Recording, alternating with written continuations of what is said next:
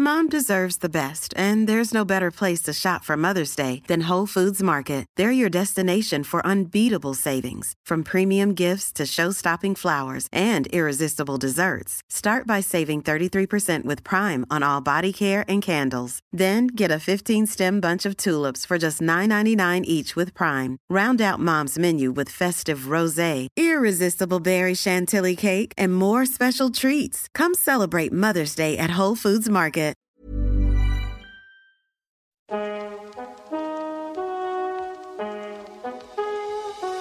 Hallo allemaal, ik ben Van Poorten hier. Leuk dat je luistert naar Met z'n allen de podcast. Deze podcast is voor iedereen en met iedereen. Vanuit onze studio in Amsterdam buigen wij ons over jullie ingestuurde vragen. Want samen is beter dan alleen. Iedere week schuift er iemand aan om zijn of haar wijsheden te delen en deze week is dat. Ik zit hier nog steeds met Mark Tuitert. En jullie hebben een hele hoop vragen ingestuurd. En zoals ik al zei aan het einde van de vorige aflevering. Wij gaan de stoïcijnse mindset van Mark even loslaten. Op jullie problemen en jullie dilemma's. En we gaan gewoon meteen vol gas van start. Ik heb een korte vraag hier binnengekregen. Hoe zet je de knop echt om van zeuren naar positiviteit? Verlicht ons. Nou, dat heeft, eh, dan moet je eigenlijk beginnen met het onderzoeken waar zeuren vandaan komt. Hè. Dat laten we zeuren even benoemen. Zeuren, klagen. Ja, Eigenlijk, klagen heeft altijd te maken met iets vaak buiten jezelf. Je Mhm. bent boos op het weer of je klaagt eh, over de buurman die lawaai maakt. Eh, dus eigenlijk moet je als iemand klaagt of je hoort jezelf klagen, jezelf ten, ja, even tot de orde roepen. Oké, ik merk dat ik aan het klagen ben. Wat, waar gaat het over? Waar heeft het mee te maken? Je kan ook gewoon stoppen met klagen namelijk. Dat hoef je, hoef je niet te doen. Het is gewoon je eigen ego waarschijnlijk die ergens iets van wil vinden en ergens in meegaat. Dus hè, dat is weer Epictetus. Je gaat mee in je eigen geklaag. Tenzij- en- Dus zet jezelf stop. Probeer te bedenken waar komt dat vandaan. En een voorbeeld eventjes. Als jij ja, nou, als, je, klaagt, eh. eh, ehm, als iemand over je, je, je klaagt eh, van, eh, nou, ik, eh, ik vind, eh, of dat je zelf over iemand klaagt, hè? volgens mij begint het daar, dat je, nou, die, die, eh, die buurman, die eh, constant slaat hij met de deuren. Wauw, wat belachelijk, eh, wat een lul. Nou, je kun je over klagen. Je kan ook naar hem toe lopen en zeggen, buurman, zou je iets minder met de deuren willen slaan, want ik, nou, of klaar, of dan doet hij nog steeds. Nou, dan kun je nog steeds blijven klagen. En uiteindelijk is het aan jou eh, om dan actie te ondernemen. In ultimo zou je kunnen verhuizen. Dat is ook een actie. Je hebt nooit eigenlijk per se een reden om te klagen. En het zorgt dus ook weer voor vrijheid als je zo denkt. Als je het bij jezelf zoekt in plaats van bij een ander. Want dan ligt die macht niet meer daar. Als je denkt dat je een ander kan veranderen door, door, door te gaan zeuren, waarschijnlijk ga je iemand anders in zijn harnas zetten, waardoor hij nog erger zijn best gaat doen om jou te irriteren, waardoor jij meer gaat klagen. Dus die hele spiraal ga je alleen maar versterken. Eigenlijk kun je teruggaan en zelf bedenken, wat kan ik doen constructief als oplossing? Dus ik kan stoppen met klagen, dat is gewoon een, oplo dat is een oplossing. Hè? Mhm. Dus dan moet je eigenlijk accepteren dat die ander zo is zoals die is. Hè, Je ziet het wel vaak misschien in een liefdesrelatie van, ja, ik wil eigenlijk die ander veranderen. Hè, oh, hij, eh, hij is nooit attent voor mij. Eh, ik klaag over mijn eigen vriend of man, waar, waar ik dan van hou. En ik klaag dat hij nooit attent is. Mhm. Ja, oké, dus blijkbaar is hij dat niet. Maar je bent wel met hem, samen. Dus wat wil je? Wil je hem precies zo, zo kneden dat hij precies zo is zoals jij het fijn vindt, zodat jij niet meer hoeft te klagen? Ja, zo werkt het niet. Je kan Mhm. beslissen om het te accepteren. Dus als je het accepteert, vervalt ook je recht om te klagen. Mhm. Hè? Dan moet je het echt accepteren. En dan, hier gaat het vaak mis, hè? Echt accepteren. Dus Ja. niet 1% nog denken van... oh, ik, ik wil een soort genoegdoening. Ik, ik wil toch nog even klagen hierover. Nee, accept, helemaal accepteren. Iemand zien voor helemaal wie die is. Mhm. En dat accepteren, vervalt je recht om te klagen. Of je maakt je zorgen kenbaar. En dan zeg je, hey, zou je dat misschien kunnen doen? En dan is het aan die ander om dat wel of niet te doen. Is Mhm. dus ook nog altijd een optie dat die ander dat niet doet. Mhm. Waarop jij weer terug kan gaan naar jezelf. Of je accepteert het. Of je gaat bij iemand weg. Dat zou ultimo de twee opties zijn. Dus je recht om te klagen vervalt altijd eh, als je het goed, goed bedenkt. Ja, en het klinkt. Nee, het klinkt, klinkt het makkelijk. Het klinkt makkelijk, maar totdat iets je echt aan het hart gaat, dan Ja. is het een ander verhaal. Ik heb hier een vraag die wat uitgebreider is, die ook wel een beetje hierop aansluit. Hey Gwen, wat heerlijk dat de podcast weer is begonnen. Ik ben zo benieuwd eh, wie de gasten zijn dit seizoen. En ik ben lid van de club. Ah! Vet, nice. Eh, mijn vraag, ik heb sinds kort een nieuwe baan. Ik heb het super erg naar mijn zin. Alleen, je voelt het al aankomen, er is iets mis. of beter gezegd iemand. Een collega die al veel langer in dienst is, behandelt me slecht. Ze blijft me maar beledigen. Uiterlijk, kleding, prestaties op werk. Ze heeft altijd botte opmerkingen. Wat kan ik hier het beste mee doen? Hoe moet ik dit aanpakken? Ik wil zo graag dat ze stopt. Ehm, ja, ik, ik zag deze vraag en die was er al even. En toen hoorde ik ook iets in jouw boek. Ehm, de vraag is niet waarom iemand je beledigt, maar wa- waarom ik me beledigd voel. Ja. Wat zou jij? Is dit een haar? Ik weet niet of dit een man of een vrouw is. Ik, mm, ehm, wat voor advies zou je geven? Nou, als iemand je beledigt, zo in dit geval, dan kun je je afvragen: oké, eh, iemand beledigt mij dus. Dus ik word blijkbaar geraakt door die belediging. Mhm. Ik voel dat ik boos word of verdrietig. Nou, allemaal natuurlijk emoties. Ga je terug naar je gedachten, kun je denken: oké, ja, maar diegene kan gelijk hebben. Dus eigenlijk bevestigt het dan mijn zelfbeeld. Dus stel, ik vind dat ik niet zo knap ben, of, of, of ik vind dat ik eh, zelf ook niet altijd aardig ben, en iemand bevestigt dat door het geklaagd, dan kan ik denken: oké, ja, eigenlijk heeft hij dan gelijk, zou je zeggen. Mm, Want dat heeft het met mijn eigen beeld te maken. Dus klopt dat beeld van, dan moet je daarmee aan de slag. Hè? Dat ligt dan eigenlijk niet bij de ander, dat ligt ook bij jezelf. mhm. Ehm, maar als die ander iets zegt en die zegt, dit slaat helemaal nergens op. Eh, eh, hoezo? Ja, dan zou je het ook kunnen aannemen van iemand. Ik, ik vind die collega blijkbaar, is dat een lul of trut? Dat is gewoon een eikel. Nou, die heb je ook in het dagelijks leven. Marcus Aurelius schreef aan zichzelf bijvoorbeeld, de wijze Romeinse keizer. Iedere dag dat ik eh, hier het hof instap, word ik geconfronteerd met negatieve mensen. Mensen die corrupt zijn. Ja, dit hoort bij het leven. Er zijn gewoon eikels, hufters. En die hebben misschien allemaal een eigen probleem waar weer ze te maken hebben, waardoor ze dat weer projecteren op iemand anders. maar ze niet zijn aan er jou. wel. Ja. Niet aan jou, dus je kan denken dat dat is bij iemand. Ik neem het gewoon niet serieus wat diegene zegt. Ik laat het gaan. Dus één oor in, ander oor uit. Dat is ook een keuze die je kan. Het is heel moeilijk misschien, maar dat zou je kunnen kiezen.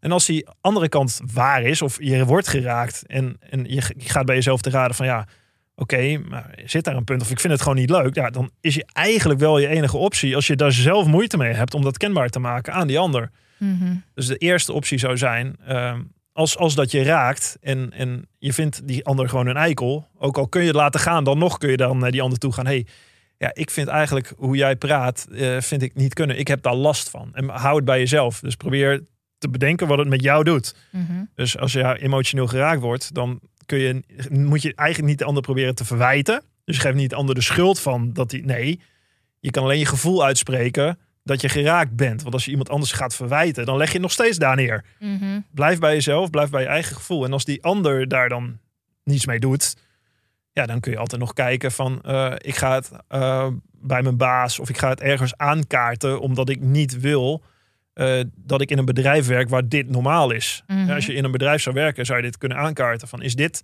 hoe we als bedrijf met elkaar willen omgaan? Is dit, is dit, zijn dit cultuurnormen die, we, die in dit bedrijf gelden? Mhm. Dan moet je dat aankaarten. En als de leiding jou daar gelijk in geeft, dan moet daar een gesprek over plaatsvinden. Als de leiding zegt, ja, nou ja, dit is nou eenmaal, we doen er niks aan. Dan zit je, werk je dus in een bedrijf waar dit de gangbare norm is. En wil je daar wel werken? Wil je daar dan werken? Ja. Dus dit zijn allemaal Nice. eigenlijk stappen die je zou Nou, dit moeten is volgen. gewoon, dit is precies wat je kan doen. Dit is Ja. het gewoon. Maar dit is dus heel gericht wel. Ja. Niet ergens in meegaan, maar heel gericht bedenken. Oké, wat is de eerste stap? Wat is de volgende stap? Wat is de volgende stap? In plaats van, oh mijn god, het gebeurt steeds. Ja. Fuck, ik vind het niet leuk. Ik word er verdrietig van, maar echt. En ik denk ook, als je dus die stappen gaat ondernemen. Of je hebt een stappenplan klaar liggen. Word je ook krachtiger en sterker. Super. Want je super. Als je, als je dit alleen al durft uit te spreken naar iemand anders. Zonder iemand anders een verwijt te maken. Mhm. Weet je hoe fucking sterk dat is? Ja, Heel sterk. Als iemand naar jou zou... Stel, ik zou dat gedrag vertonen of jij zou dat gedrag vertonen. Ja. Terwijl je niet door hebt, hè? ja. Zo, ik heb een slechte dag. Ik, i- allemaal ellende aan mijn hoofd. Stress. En ik, eh, ik eh, botvier het op mijn personeel. Ja. Ja, zou ik een lul zijn, maar ik hoop niet dat ik het doe. Maar stel, ik zou het doen, ik heb het niet door. Het zou Ja. kunnen. Hoe sterk zou het zijn als één personeel zijn mij... hey Mark, even onder ons, hè, we werken. Dat wat jij allemaal zegt. eh, ik heb daar last van, of tenminste, het raakt mij. En ik ben er niet blij mee. Ik vind eigenlijk dat je dat zo niet zou kunnen zeggen. Eh, dat zou een bijna verwijt zijn, Ja, dan moet je ja, oppassen. Zeg je, het raakt mij. Ik, ik, ik, ik heb daar last van. Want alles wat jij zegt, eh, meen je dat? Heb je dat door zelf? Ja. Als, als ik dat niet door zou hebben, zou ik denken, wow, holy shit. Ja, hè? naar mij toe en die durft dit zo te zeggen, wat sterk. Dus eh, dat zou kunnen, ah, flikker op joh, eh, dat doe ik helemaal niet. Eh, dan neem je dus iemand anders niet serieus. Dus Mhm. als jij dit zou geuit hebben, dan weet je, oké, ik word niet serieus genomen. Dus dan kan je het hoger opzoeken of naar iemand anders toe gaan en zeggen, ja, ik word volgens mij niet serieus genomen. Ben ik hier in mijn eentje? In plaats van achter iemands rug om te roddelen van wat een lul. Ja, dat het ja, hele bedrijf weet het zo meteen, behalve diegene die die beschuldiging uit. Mhm. Ja, dat is, dat is de, misschien de manier die het fijnst voelt op korte termijn voor je. Maar dat is niet de constructieve manier om hier uit te komen. Nee. hou je het in stand. Nice. Nice. Oké, nou, we gaan door naar de volgende vraag. Ehm, nee, dit is, dit is niet echt een vraag van een luisteraar. Die komen zo meteen weer. Ehm, maar jij komt er op een gegeven moment achter... in jouw schaatscarrière... dat de blokkade die je had... niet alleen eh, eh, alle regels zijn die je jezelf oplegt... maar dat die eigenlijk nog een tandje dieper is. Dat het met jouw band met jouw vader te maken heeft. Ja. Ehm, vind ik heel interessant. Kan je eventjes een beetje verder daarin duiken? Want kijk, als jij met een burn-out op de bank ligt en je stelt nieuwe regels voor jezelf op en je hebt jezelf opgelegd dat je veel moet trainen, maar dat je dan op een gegeven moment erachter komt dat het nog dieper zit. Ja. Hoe ben je daarachter gekomen? Nou, eh, toen ik die overtraindheid of burn-out had, toen, toen ben ik gewoon weer gaan trainen daarna. En ik wist wel, ik ga ook weer risico's nemen. Ik ga wel weer hard trainen. Als je ergens wil komen, je moet hard werken. Je moet hard trainen. Hè? Eh, dat, dat hoort erbij. Je gaat beter balans aanbrengen. Ja. En drie, vier jaar later, op de Olympische Spelen van Turijn, zat ik weer op de tribune. Ik had, ik had hele gekke misslagen in dat toernooi. Ik, hè, ik had hele goede conditie. We meten alles. Het schaatsen ging goed. Alles ging eigenlijk goed. Maar op de raarste momenten ja, ging, gingen dingen verkeerd. Ik, ik had hele gekke missers. Dus ik was gewoon niet in balans. En ik kwam erachter, nou, dat, toen, dat, dat, dat had heel erg te maken met mijn emotionele balans. Dat had Mhm. niets te maken met schaatsen of niets met mijn biologische, fysieke gesteldheid, maar gewoon met hoe ik me voelde. Ja, en dat vond ik zo apart. Ik was 5, 26 jaar en ik was gewend om alles vrij biologisch te zien en alles, hè, dat, dat werkt. Maar hoe, hoe, dit is heel ongrijpbaar. Hoe werkt dit? Nou, toen ben ik bij, eh, bij, bij iemand geweest. Ik noem een mentor, Frank. Frank Hekman, mooie, hele mooie kerel. En ik zat bij hem aan tafel. En hij gaf me een heel mooi inzicht mee dat in familieopstellingen zit. Ehm, Els van Stijn doet het bijvoorbeeld ook. Die heb ik te gast gehad op mijn podcast. Zit, zit heel veel in voor mij toen op dat gebied. Want ik zat eigenlijk met twee ouders in vechtscheiding. En ik, ik was als oudste zoon van mijn beide ouders daarbij betrokken. Ik zat daar nog steeds tussenin. Ik woonde wel op mezelf. Ik had mijn eigen carrière. Eh, en ik ondersteunde mijn moeder. Die had het heel zwaar met, met geld, financieel. Maar ook mee ging ik naar rechtszaken. En mijn oplossing voor het geheel was eigenlijk om geen contact te hebben met mijn vader. Mijn vader zag ik als boeman. Hè, dan heb je het weer, het oordeel. D- er is een gebeurtenis. eh, A. Er is een emotie. C. Dat is mijn oordeel over mijn vader. Hè, ik ben boos op mijn vader, want hij is een lul, slechte vader. Maar er zit een stukje tussen. B. Mijn, mijn oordeel, mijn perceptie. En eigenlijk zorgt die perceptie voor mijn emotie. Dus niet, ik hoef niet boos te zijn voor die scheiding. Eh, kan ik helemaal niks aan doen. Maar ik ben boos op mijn vader door mijn oordeel wat ik heb over mijn vader. Mijn oordeel over mijn vader was, hij is een slechte vader. Hij is er niet voor ons geweest. Ik heb keihard ruzie met hem gehad. Ik heb eh, uit, we hebben gevochten. Er is zoveel dingen gebeurd. Ik wil geen contact met hem. Hij is de schuld van alles. En ik kwam er eigenlijk achter toen ik meer daar onderzoek naar ging doen. Dat dat dus mijn oordeel was. Dus eigenlijk had het te maken met mijn plek ten opzichte van mijn vader en mijn moeder.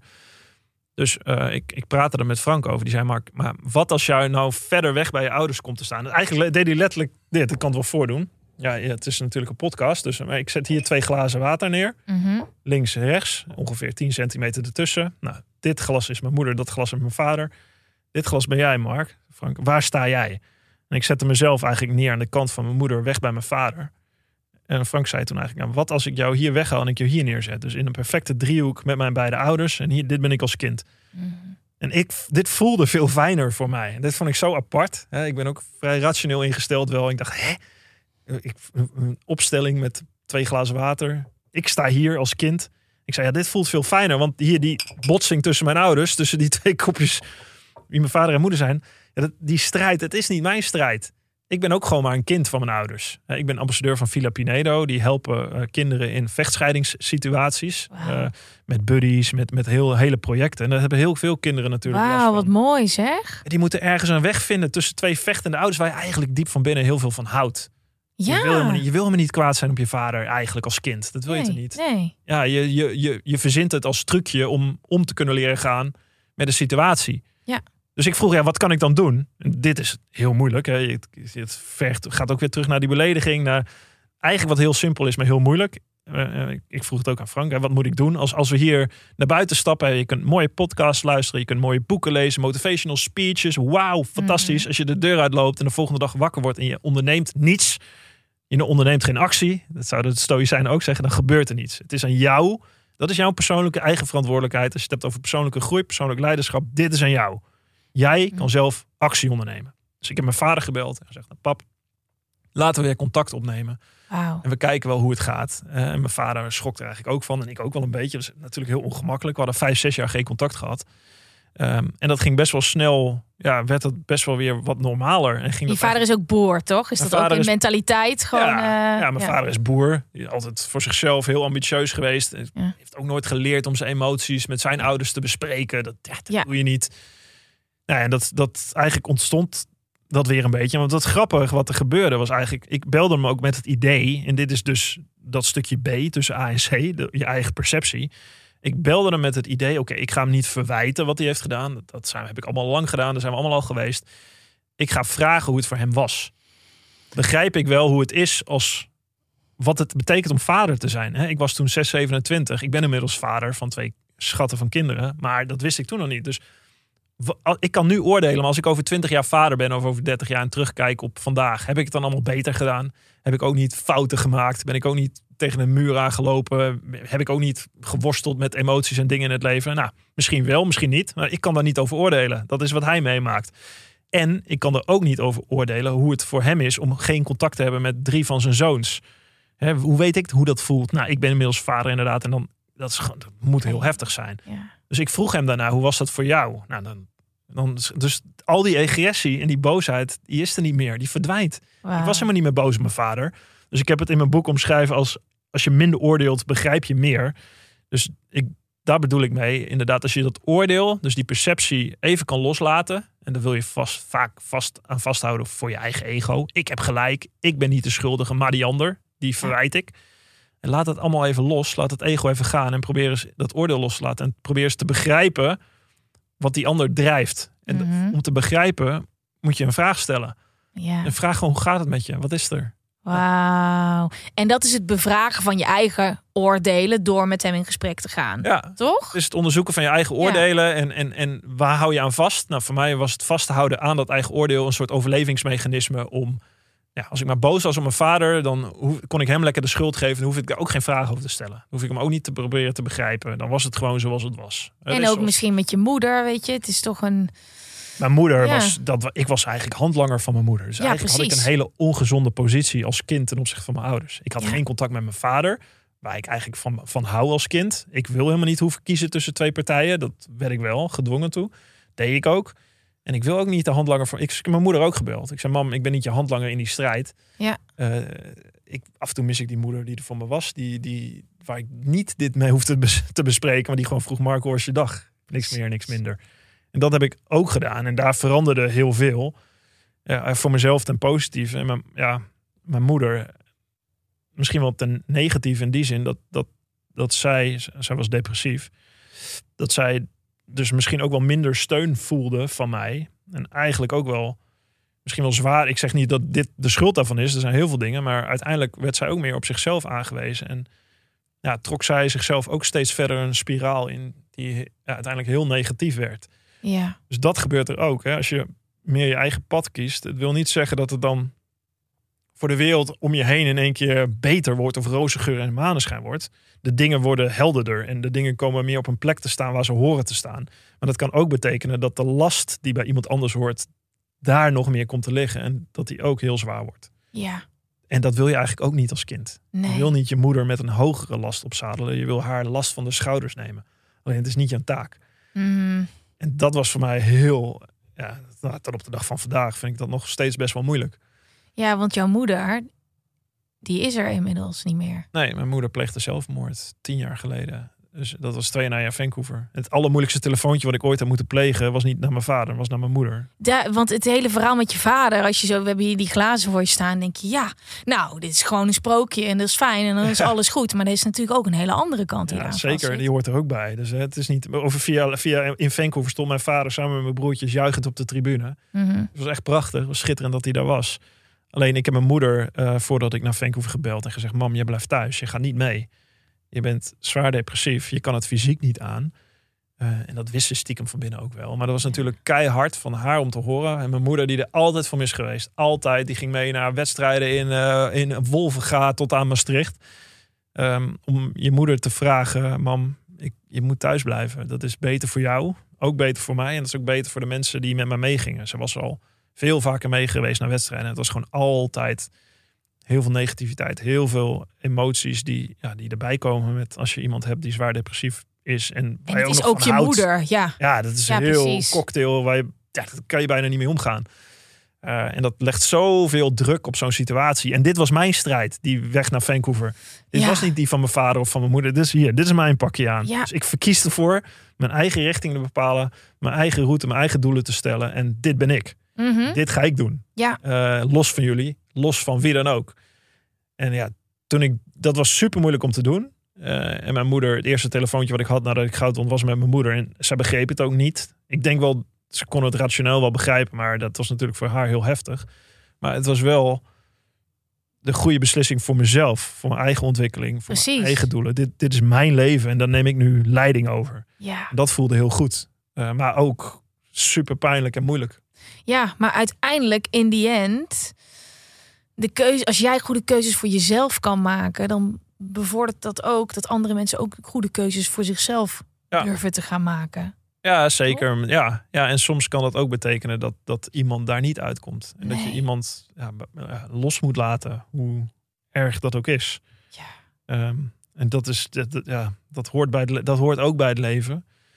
Um, ziektes, depressies, um, mensen verliezen, mensen loslaten. Uh, om zelf te kunnen leven moet je soms andere dingen loslaten. En heftig. Ja, dat is, dat is fucking heftig. Dat is ook waarom we dat zo slecht kunnen en misschien ook wel goed. Als we dat allemaal zomaar zouden kunnen loslaten, dat het zou ook niet goed gaan. Maar dat is een beetje de, de worsteling van het leven, denk ik. Mark Aurelius zei het mooi, als hè, leven lijkt meer op worstelen dan op dansen. In die zin dat je vast op je voeten moet kunnen blijven staan. Ja. Uh, ja, en dat, dat is een beetje de zoektocht altijd. Nog steeds wel. Hoe kun je vast, vaste grond onder je voeten blijven vinden om, uh, om, om zelf sterk te blijven staan. En als je dat zelf lukt, kun je dat ook richting anderen doen. En dan, dan wordt mhm. alles, dan komt alles meer op een plek te staan waar het hoort te staan. Ja, en over jouw schaatscarrière gesproken. Jij pakte daar een gouden plak. En daar ging alles helemaal fantastisch. Heb je gemerkt dat die verhouding tussen je ouders die jij hebt, die, die, die driehoek, die was er in één keer. Hoe heeft dat dan impact gehad op je sportcarrière? Nou, want, eh, want een, een, een, een leek zegt aan de buitenkant, ja, maar het is toch gewoon, het eh, staat er allemaal los van elkaar. Dat heeft toch niks met zijn training te maken. Ja, nou, dat zou echt een leek zeggen, inderdaad. Ja, want dat is natuurlijk niet zo. Al je, alles dat daarom, er is geen scheiding tussen wat we lichamelijk ervaren of geestelijk ervaren. Daar, zit, daar zit die emotie tussen, fysiek, emotioneel, mentaal. Dus mentale gezondheid, dat hoop ik ook met mijn boek te bewerkstelligen. Dat we daar, dat is zo belangrijk dat je mentaal, uh, geestelijk uh, enigszins gezond kan blijven. Dus gezond kan blijven nadenken. Mijn moeder kon dat op een gegeven moment niet meer en dan spiraal je naar beneden. Dus ja, dat is, dat is de crux van alles. En dat is niet te scheiden van elkaar. Dat hoort bij elkaar. Dus voor mij, toen ik dit door ging krijgen ja, ja, echt een last viel van mijn schouders. Zo voelde dat. En dat is zoveel fijner leven. En dat is niet aan die negatieve emoties vasthouden. Of aan het oordeel of aan die boosheid richting mijn vader. Mhm. Voor je gevoel is dat er dan niet. Maar dat loopt altijd mee op de achtergrond. Dat zijn gewoon systemen. En dat kost energie. Ingebakken zijn in ons. Dat kost energie. Uh, en en dat, is, dat is het mooie van topsport en het minder mooie.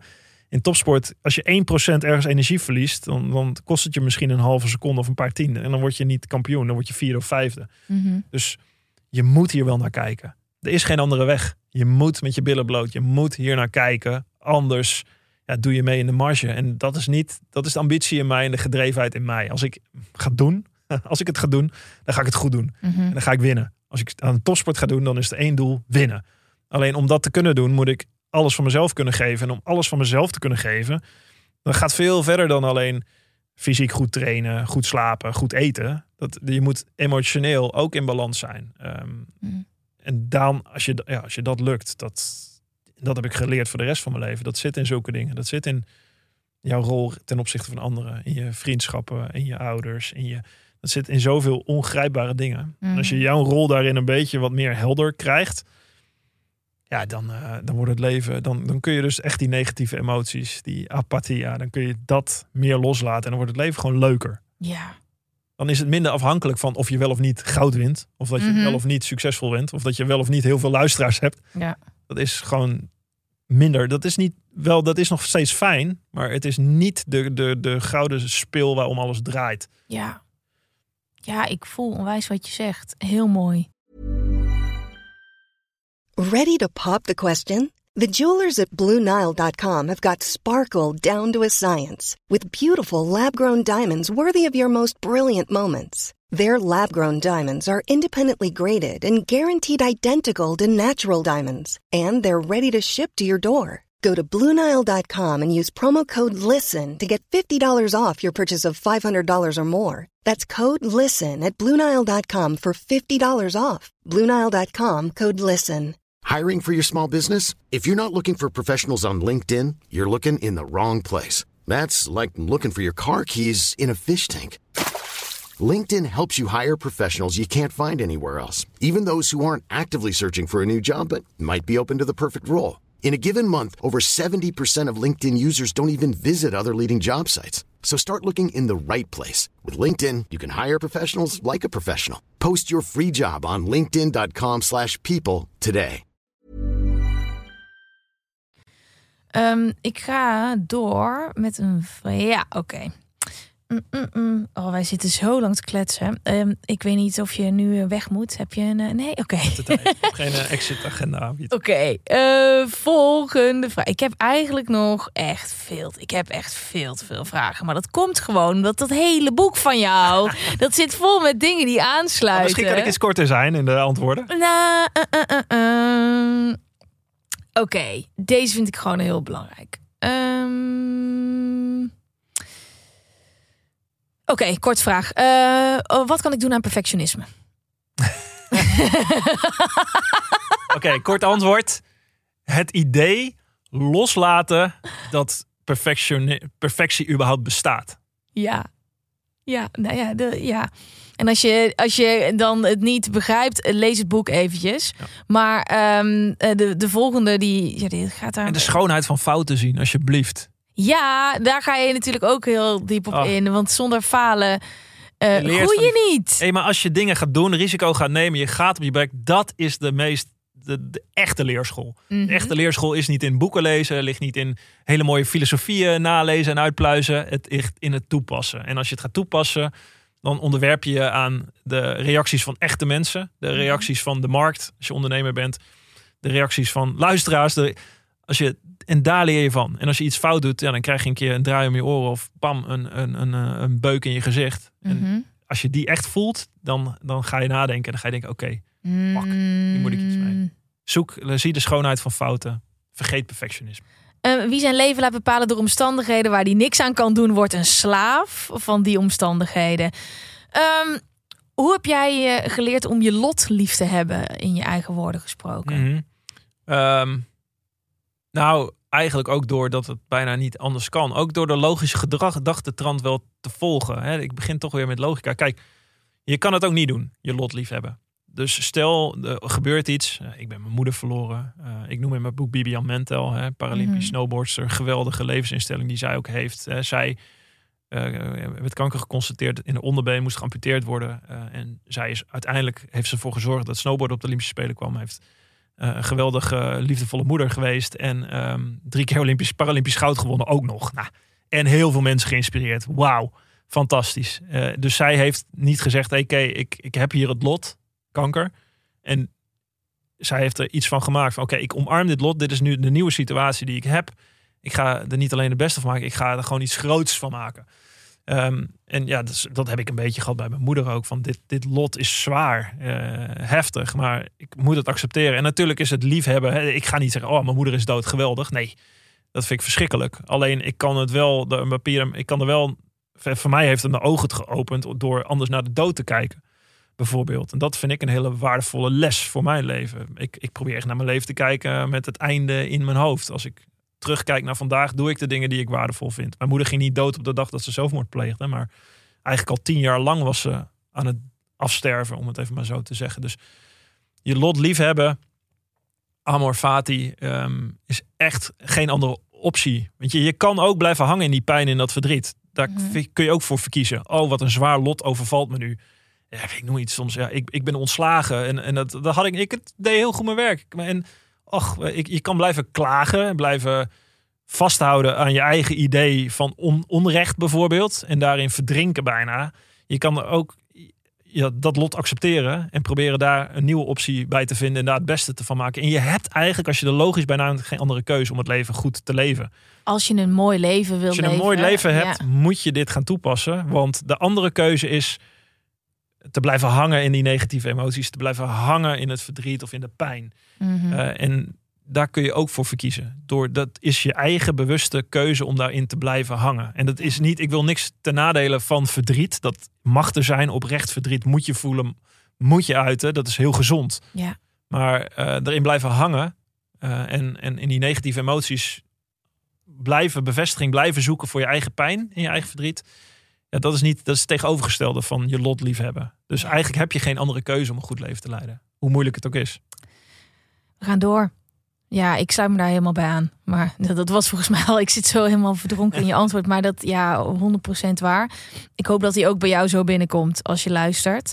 Ehm, jij eh, hebt het in je boek over dilemma's. eh, dat je daar lekker op gaat om dat met vrienden te bespreken. Ja. En dat is een dilemma en dan geef je het antwoord wat jouw vriend geeft. Maar ik ben eigenlijk wel heel erg benieuwd wat het antwoord van jou Oeh. op dit dilemma is. Hoe kan je succesvol zijn en rust ervaren? Ja, ja. Dit is de hamvraag. ja, dit is de hamvraag. Ja. ja, wat ik omschrijf is eigenlijk een soort gesprek wat je met vrienden kan voeren zonder je eigen oordeel erin te leggen. Hè. Dus, Precies, maar ik ben zo benieuwd naar je eigen oordeel hierover. nou, dat is, eh, dat is je definitie van succes heel helder hebben. Eh, eh, dus wat, wat betekent succes voor jou dan?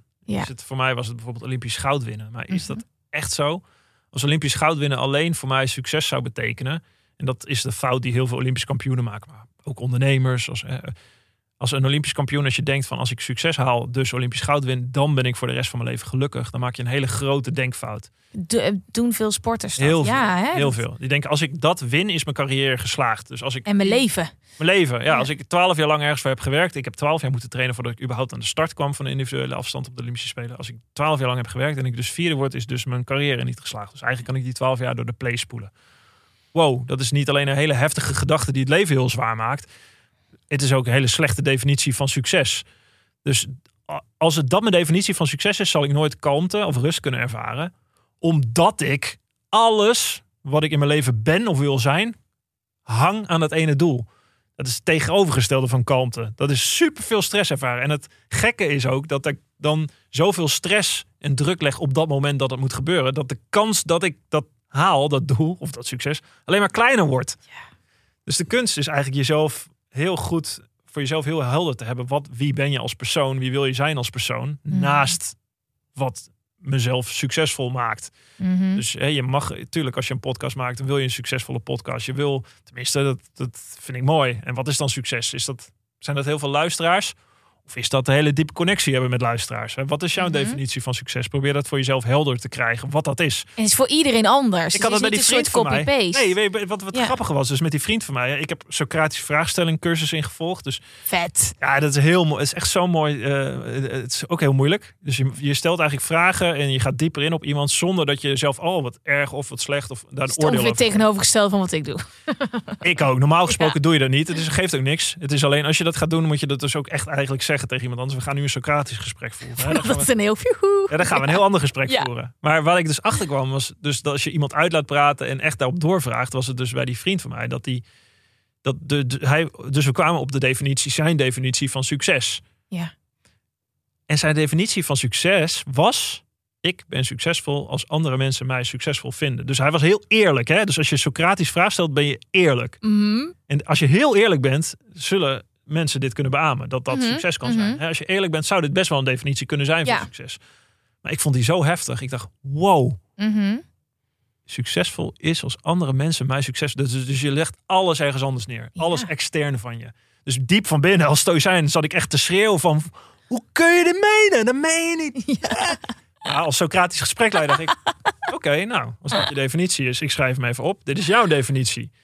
Dus als ik hier oordeel, dan had hij, had hij dit nooit gezegd. Als ik al had laten merken dat ik dit een belachelijke definitie van succes vond. Wat ik eigenlijk diep van binnen vind. Maar ja, dat heb je daarna natuurlijk wel gezegd. Want op een gegeven moment was dat gesprek ten einde. En toen kwam het... Maar, maar uiteindelijk kwamen we tot een mooiere. Ja, uiteindelijk kwamen we tot een mooiere definitie van succes. Dus eigenlijk, en hoe ervaar je dan rust? Nou, eh, rust ervaarde hij bijvoorbeeld ervaar je door, door te weten dat het met die andere mensen goed gaat. Dus dat je eigenlijk heel mooi, hè, als het met mijn naaste mensen goed gaat, gaat het goed met mezelf. Ook wel weer extern gelegd dit, hè. Dus best wel eh, problematisch in ja. stoïcijns oogpunt. Maar uiteindelijk kwamen we er een beetje achter dat ja, als die definitie nu van succes is dat jij alles wat je doet, dat je andere mensen daar onderdeel van kan laten zijn. Dus dat je niet voor, je, voor jezelf alleen succesvol bent, maar dat succes kan delen met anderen. Mhm. Samen met anderen een bedrijf starten. Of dat, dat is een veel mooiere definitie van succes. Ja. Uh, dus dat je dat niet alleen voor jezelf doet en ook niet doet met het idee van uh, anderen moeten me succesvol vinden, maar dat kan samenballen tot een grote kluwe als ik ga met andere, ik ga andere mensen helpen ook succesvol te zijn. Ja. Dat is voor mij succes. Fucking mooie definitie. Ja. Dat is veel mooier. Dus probeer heel en erg. zorgt voor vrijheid ook. Het zorgt Ja. voor vrijheid, ja. En of je dat dan daadwerkelijk behaalt, dat succes voor anderen of niet, is ja, daar kan je dat, daar kan je dus succes van niet laten afhangen. Succes is het streven naar dat met z'n allen te gaan doen. En daar, als je daarnaar streeft en je zegt dat je dat moet gaan doen, dan moet je er ook vol voor gaan. Dan moet je Ja. niet half bakken, maar dingen denken dat het wel gaat gebeuren ergens in het heelal. Nee, jij neemt de keuze, jij maakt de acties. Ja. Go. Weet je, dat is het als het ondernemen, dat is het risico nemen. Dan is het, heb je nog steeds al je lessen en de weg ernaartoe. Maar dat is ook als je er goed Als je over dat met die gaat goede denken. mensen doet, met leuke mensen, met toffe mensen en een tof doel, eh, waar je vol voor gaat met z'n allen, dan, Ja. dan wil je wil niet dat het faalt. Maar, Maar floppen is ook, ja, weet je wat is dan floppen, weet je wel? Dat Ja. je hebt, maar het- inderdaad, als je dus die hele weg daar naartoe fucking vet maakt en dat heb je in de hand, weet Ja. je wel? Dat kan vet zijn, dat kan leuk zijn, dat kan creatief zijn, daar kan je energie van krijgen. Je gaat iedere dag, sta je lekker op. Ja, Maar- je dagen dat je ook denkt, fuck, ik heb er Tuurlijk. helemaal geen zin in. Maar, Maar- over het algemeen moet dat wel zo voelen. Dan maakt dat einde, die uitkomst, wat dat dan ook is, luisteraars, geld, wat dan ook, dat is super nice, maar dat is niet Nee. alles. Nee, maar dan ga je je richten op, op, op, op wat je doet. Als je dat goed doet. Dus op je werk van iedere dag. Als jij je werk als podcastmaker of als ondernemer of Ja. als atleet dat werk van iedere dag zo goed mogelijk doet. Dus als ik zorg dat mijn schaatsen scherp zijn. Dat als ik met een treintje schaatsers door een bocht ga met 60 km per uur en 55 km per uur. Uh, als ik zorg dat iedereen uh, meegaat in dat geheel. Wij als team samen trainen iedere dag. En daardoor de lat hoger leggen iedere dag. En daarmee win je Olympisch goud. Die win je niet in die twee minuten. Of daarmee maak je een vette podcast. Of daarmee Mhm. maak je een vet bedrijf. Dat is niet door een ultimo, dat eindpuntje ergens het allemaal klopt. Ja. Het is in dat werk van iedere dag je daarop concentreren. Dat goed doen. Dat is wat je iedere dag kan doen. En dat moet je zo goed mogelijk doen. Dat zou Seneca, Marcus Aurelius, Epictetus helemaal met me eens zijn.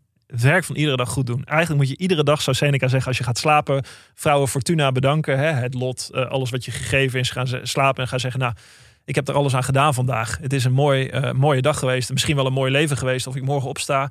Dat weet ik niet. Dat is niet aan mij. Ik hoop het. Maar Ja. dat is niet aan mij. Maar vandaag heb ik gewoon dit gedaan. Ja, en dan, eh, dan heb ik eentje die er wel een kleine vraag die bij aansluit.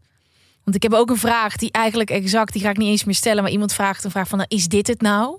Weet je, eh, dat tackle jij helemaal hier, hiermee, want ja, is dit het nou als je zorgt die weg er naartoe heel leuk is? Maar wat te doen tegen een alles of niets mindset? Ha! Daar heb ik zelf onwa- Nou, ik ben, Ja. ik kan best wel zeggen dat ik er een beetje vanaf ben. Ehm, Ja. ehm, maar het- het- we kennen het Kun jij allemaal. hem wel. uitleggen, alles of niet mindset? Wat, is, wat dat is? Oh, nou, eh, als ik gezond ga eten, dan ga ik niet alleen super gezond eten, maar dan wordt er nooit meer gesnoept. En dan ga ik ook drie keer per week naar de sportschool, ga ik iedere ochtend wandelen. En dan is het zo verzadigd dat ik het niet vol kan houden. Ja. Ehm, en nu ben ik meer van de, la- de op, op, ik was zei echt altijd, als ik gezond ga eten, nee, rot op. Ik ga, gisteren had ik dus echt, nou, niet gezondigd, maar ik heb gewoon een toetje gegeten. Ik heb sticky toffee pudding gegeten. En vroeger, dan lag ik er meteen vanaf. Dan ging ik nu ook niet eh, gezond ontbijten. Ging ik gewoon eh croissantjes halen met eh jam en boter. En dan vak mijn lunch en misschien vanavond McDonald's. Ja. En nu heb ik, maar dat is echt iets wat je kan trainen. Ehm, maar heeft heel lang geduurd. Hmm. Maar die, alles wat we eigenlijk net bespreken, daar ligt hij wel op de loer. Ja, daar nee, ligt hij op de loer. Heb jij er ooit last gehad van alles of niets mindset? Ja, ik ga ook eh all in ergens voor. Ja. Ik ga ook niet, eh, ik, werk, ik werk ook gewoon heel veel uur in de week. Ik doe heel veel dingen door elkaar heen. eh, Ja. En dat, ja, dat, dat vind ik ook leuk. Dat vind ik mooi. Ik geniet daarvan. Ik Mhm. ben niet iemand die, ik wil hard werken. Ik ben een werkpaard. Dat vind ik mooi. Alleen ehm, alles of niets is in die zin heel gevaarlijk. Dat je dus, ehm, waar je, wat je jezelf heel moet afvragen is dan wat alles is. Is dat heel gezond wat je doet als het alles zou zijn? Hè? Waar hang je, moet je Ja, jezelf bewijzen ten opzichte ja. van wie? Ja. wie? Welke norm stel je jezelf? Je stelt jezelf een norm waar je aan moet voldoen blijkbaar. Is dat echt je interne norm die, waar je wil voldoen? Of is het een norm van iemand anders? Dat je dit moet doen, omdat je gezond moet leven. hè? Je bent, als je heel vaak moeten gaat zeggen in een gesprek, Mhm. eh, dan gaan bij mij al de antennes aan. Ah, Het moet eigenlijk willen zijn. Je wilt gezond leven. En bij gezond leven hoort natuurlijk ook mentaal gezond leven. En mentaal gezond leven is ook ontspannen, is ook relaxen, is ook lummelen. Ik wil een pleidooi houden voor lummelen. Wauw, ik toevallig heb ik Lekker die term uitstaren. twee weken geleden op kantoor gehoord bij Charlotte Labé. En Ja. die zeiden, ja, we beginnen iedere week met lummelen. En ik had, ik heb echt, ik denk dat ik het woord lummelen nog nooit heb uitgesproken in mijn leven. Ik heb En een hij- nieuwsbrief en daar, die, daar schrijf ik iedere week over. En ik heb één, één onderwerp eh twee weken geleden uitgehaald. Dat is lummelen. Uit het raam staren. Dat doe ik op zondagochtend heel veel. Met een bakje Ja. koffie en dan staar ik uit het raam. En dan denk ik, oké. ja, even, ja, oké, ik kijk wel. Dan bedenk ik dingen. Of eh, de creativiteit. Zo productief. Ja, maar weer anders, dat is precies waar ik heel erg anti ben. En mis- misschien een misvatting is wat, wat ik als sporter kan zijn. Als je het hebt over zelfdiscipline. Dat ik dus een agenda maak waar alles in voorgepland staat. Dat ik met mijn vrouw moet overleggen. Oh ja, ik heb de kinderen gedaan. Doe jij morgen de kinderen? Oh, verschrikkelijk. Dat je zo'n agenda-samenleving hebt met je Mhm. geliefde of met je compagnons of met je. Weet je, het moet veel vloeiender lopen, vind ik. Dat vind ik de kracht van het leven. eh, dat het vloeiend loopt. En dat je bij jezelf afspraken maakt als je gezond wil leven. Mhm. Niet Ja. moet leven, maar Ja. ik, wil, ik wil gezond leven. Niet omdat ik vier, vijf keer trainen in de week zo leuk vind altijd. Dat vind ik helemaal niet zo leuk altijd. Maar ik weet dat het belangrijk is, omdat ik dan energie overhoud om een goede vader te zijn of een goed, goed, goede ondernemer te zijn. Of gewoon de dingen die ik doe in het leven vind ik fijn. Dus voor mij is heel goed trainen niet het doel, want het is een middel om een goed leven te leiden. Dus ik denk dat doel-middel heel vaak omgedraaid wordt. Dat op een gegeven moment een gezond leven of perfectionistisch of all of nothing, dat dat, een- dat dat het doel wordt. Ja. Het is een middel om een doel van een goed leven te bereiken. En een goed leven bereiken, daar hoort ook ontspanning bij. Een heel mooi voorbeeld is Niels van der Poel. Die is tweevoudig Olympisch kampioen geworden. eh, Ja. Een paar weken geleden op de Olympische Spelen. Het is een Zweedse schaatser. Nou, die traint, het is all or nothing. Die traint alles voor goud. Die, maar wat hij deed, was super slim. Hij trainde ontzettend veel uren, maar vijf dagen in de week. Dus hij trainde 7, 8 uur op een dag, vijf dagen in de week. Dat is all or nothing eigenlijk. Hè? Dus all out. Vijf dagen in de week. Maar in het weekend deed hij niks. Gaf hij zichzelf vrij. Ook om men fysiek te herstellen van die zware trainingen. Soms geven we een middagje vrij of een ochtendje of een dag. Maar dat is niet altijd genoeg om te herstellen van vijf dagen lang zwaar trainen. Dus hij nam extra rust. En in die twee dagen maakte hij de afspraak met zichzelf dat hij niet een agenda had. Nergens op letten. Dus hij dronk wel eens een biertje op vrijdagavond. Maar ook wel eens acht biertjes met vrienden. En als zijn vrienden gingen skiën en zaterdagmiddag ging hij gewoon mee. Dan dacht hij niet, oh ik moet nu rusten. Eh, dus in twee dagen in de week probeerde hij een zo normaal mogelijk leven te leiden. Niet als topsporter, dus met vrienden, met collega's, eh, vrijheid. Geen normen in zijn hoofd, gewoon los, vrij. Maar vijf dagen in de week, volle bak Olympisch eh, kampioen willen worden.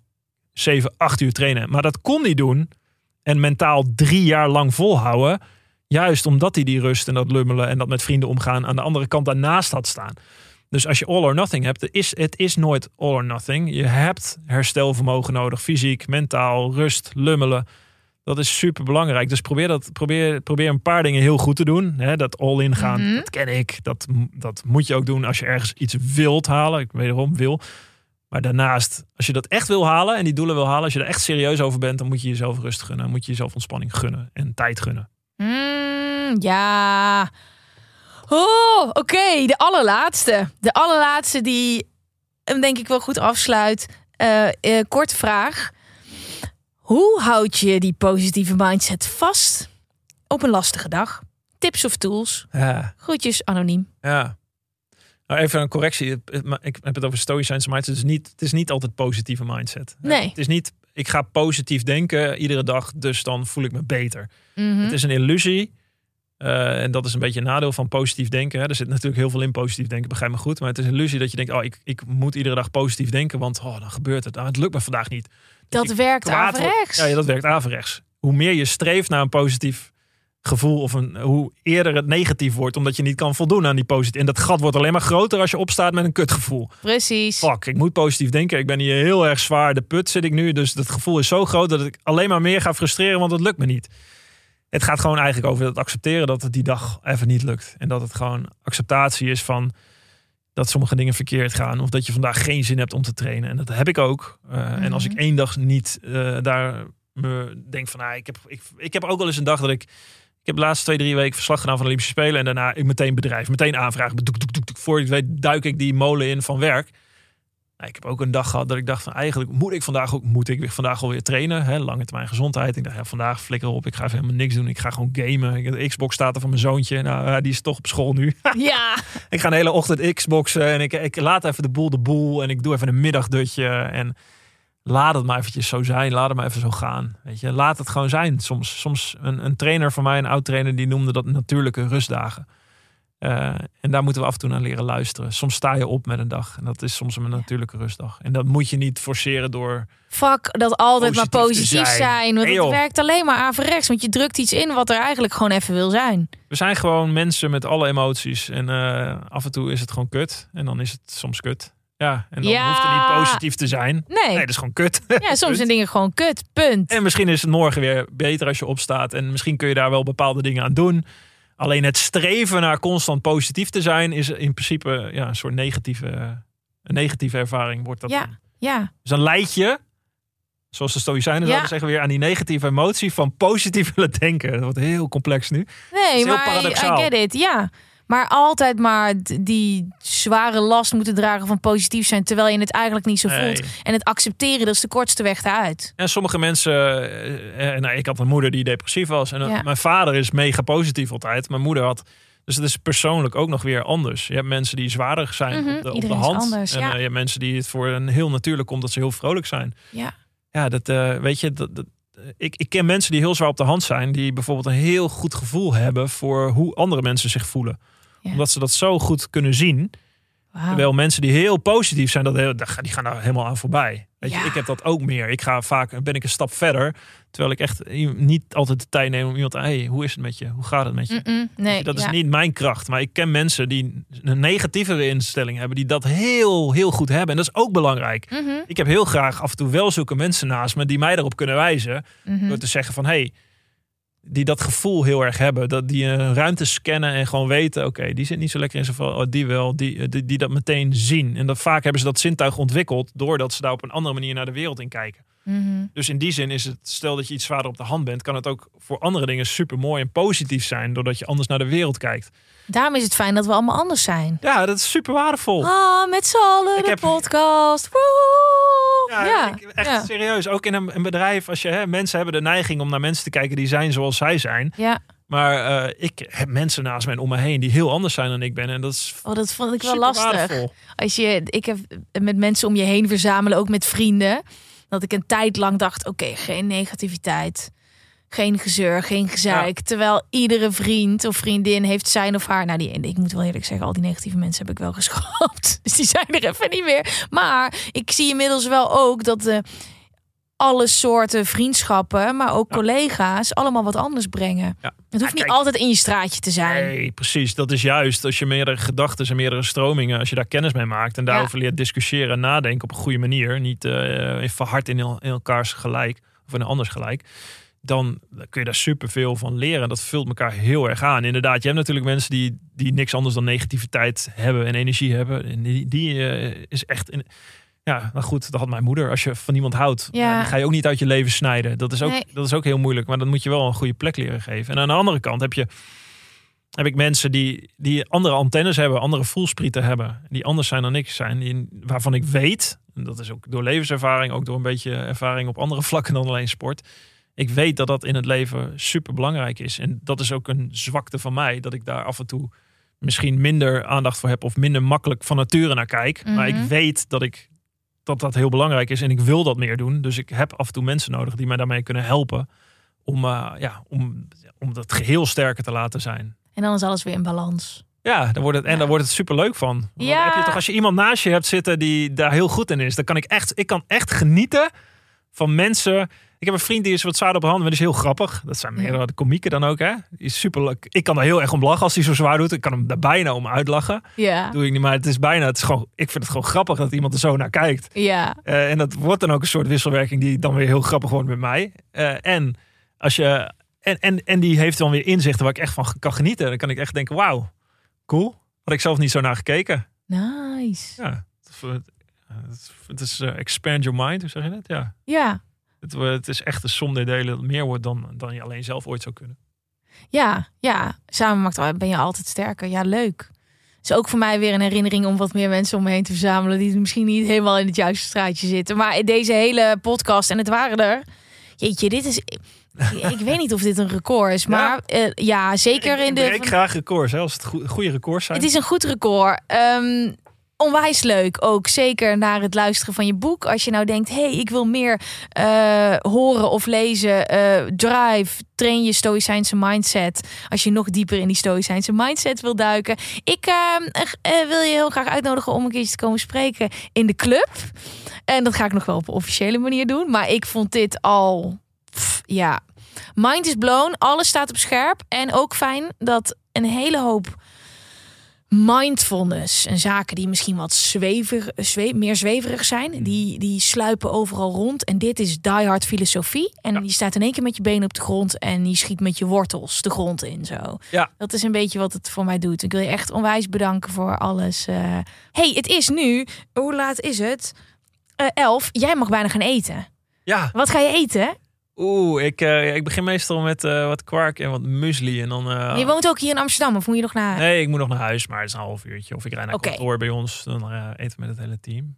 Oké, oké. Nee, Ik vind dat altijd leuk als je aan het eten met het vaste bent. En Ja, dat je dan een dan? oh. Nou, ik meestal, me- wat ik meestal wel doe met lunch, bijvoorbeeld, ik heb meestal wel altijd één witte boterham met eh, roomboter en eh, ch- pure chocoladehagel. Dat eet ik wel. Wow, jij snapt het. Ja, dit vind ik wel echt. Oh. Witte boterham, boter en pure Roomboter hagelslag. en pure hagel. Maar geen melkchocolade. Nee, dat is echt, dat is echt Ik dacht dat ik daar heel raar in was, maar dat is dus echt een oh, ding. lekker. Ja, ik hou van die bittere, bittere smaak.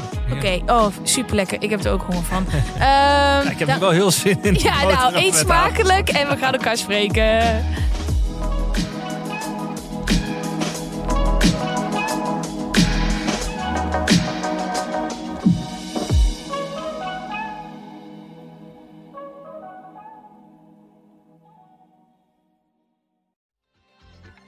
Weet je waar ik zo'n tyfushekel aan heb?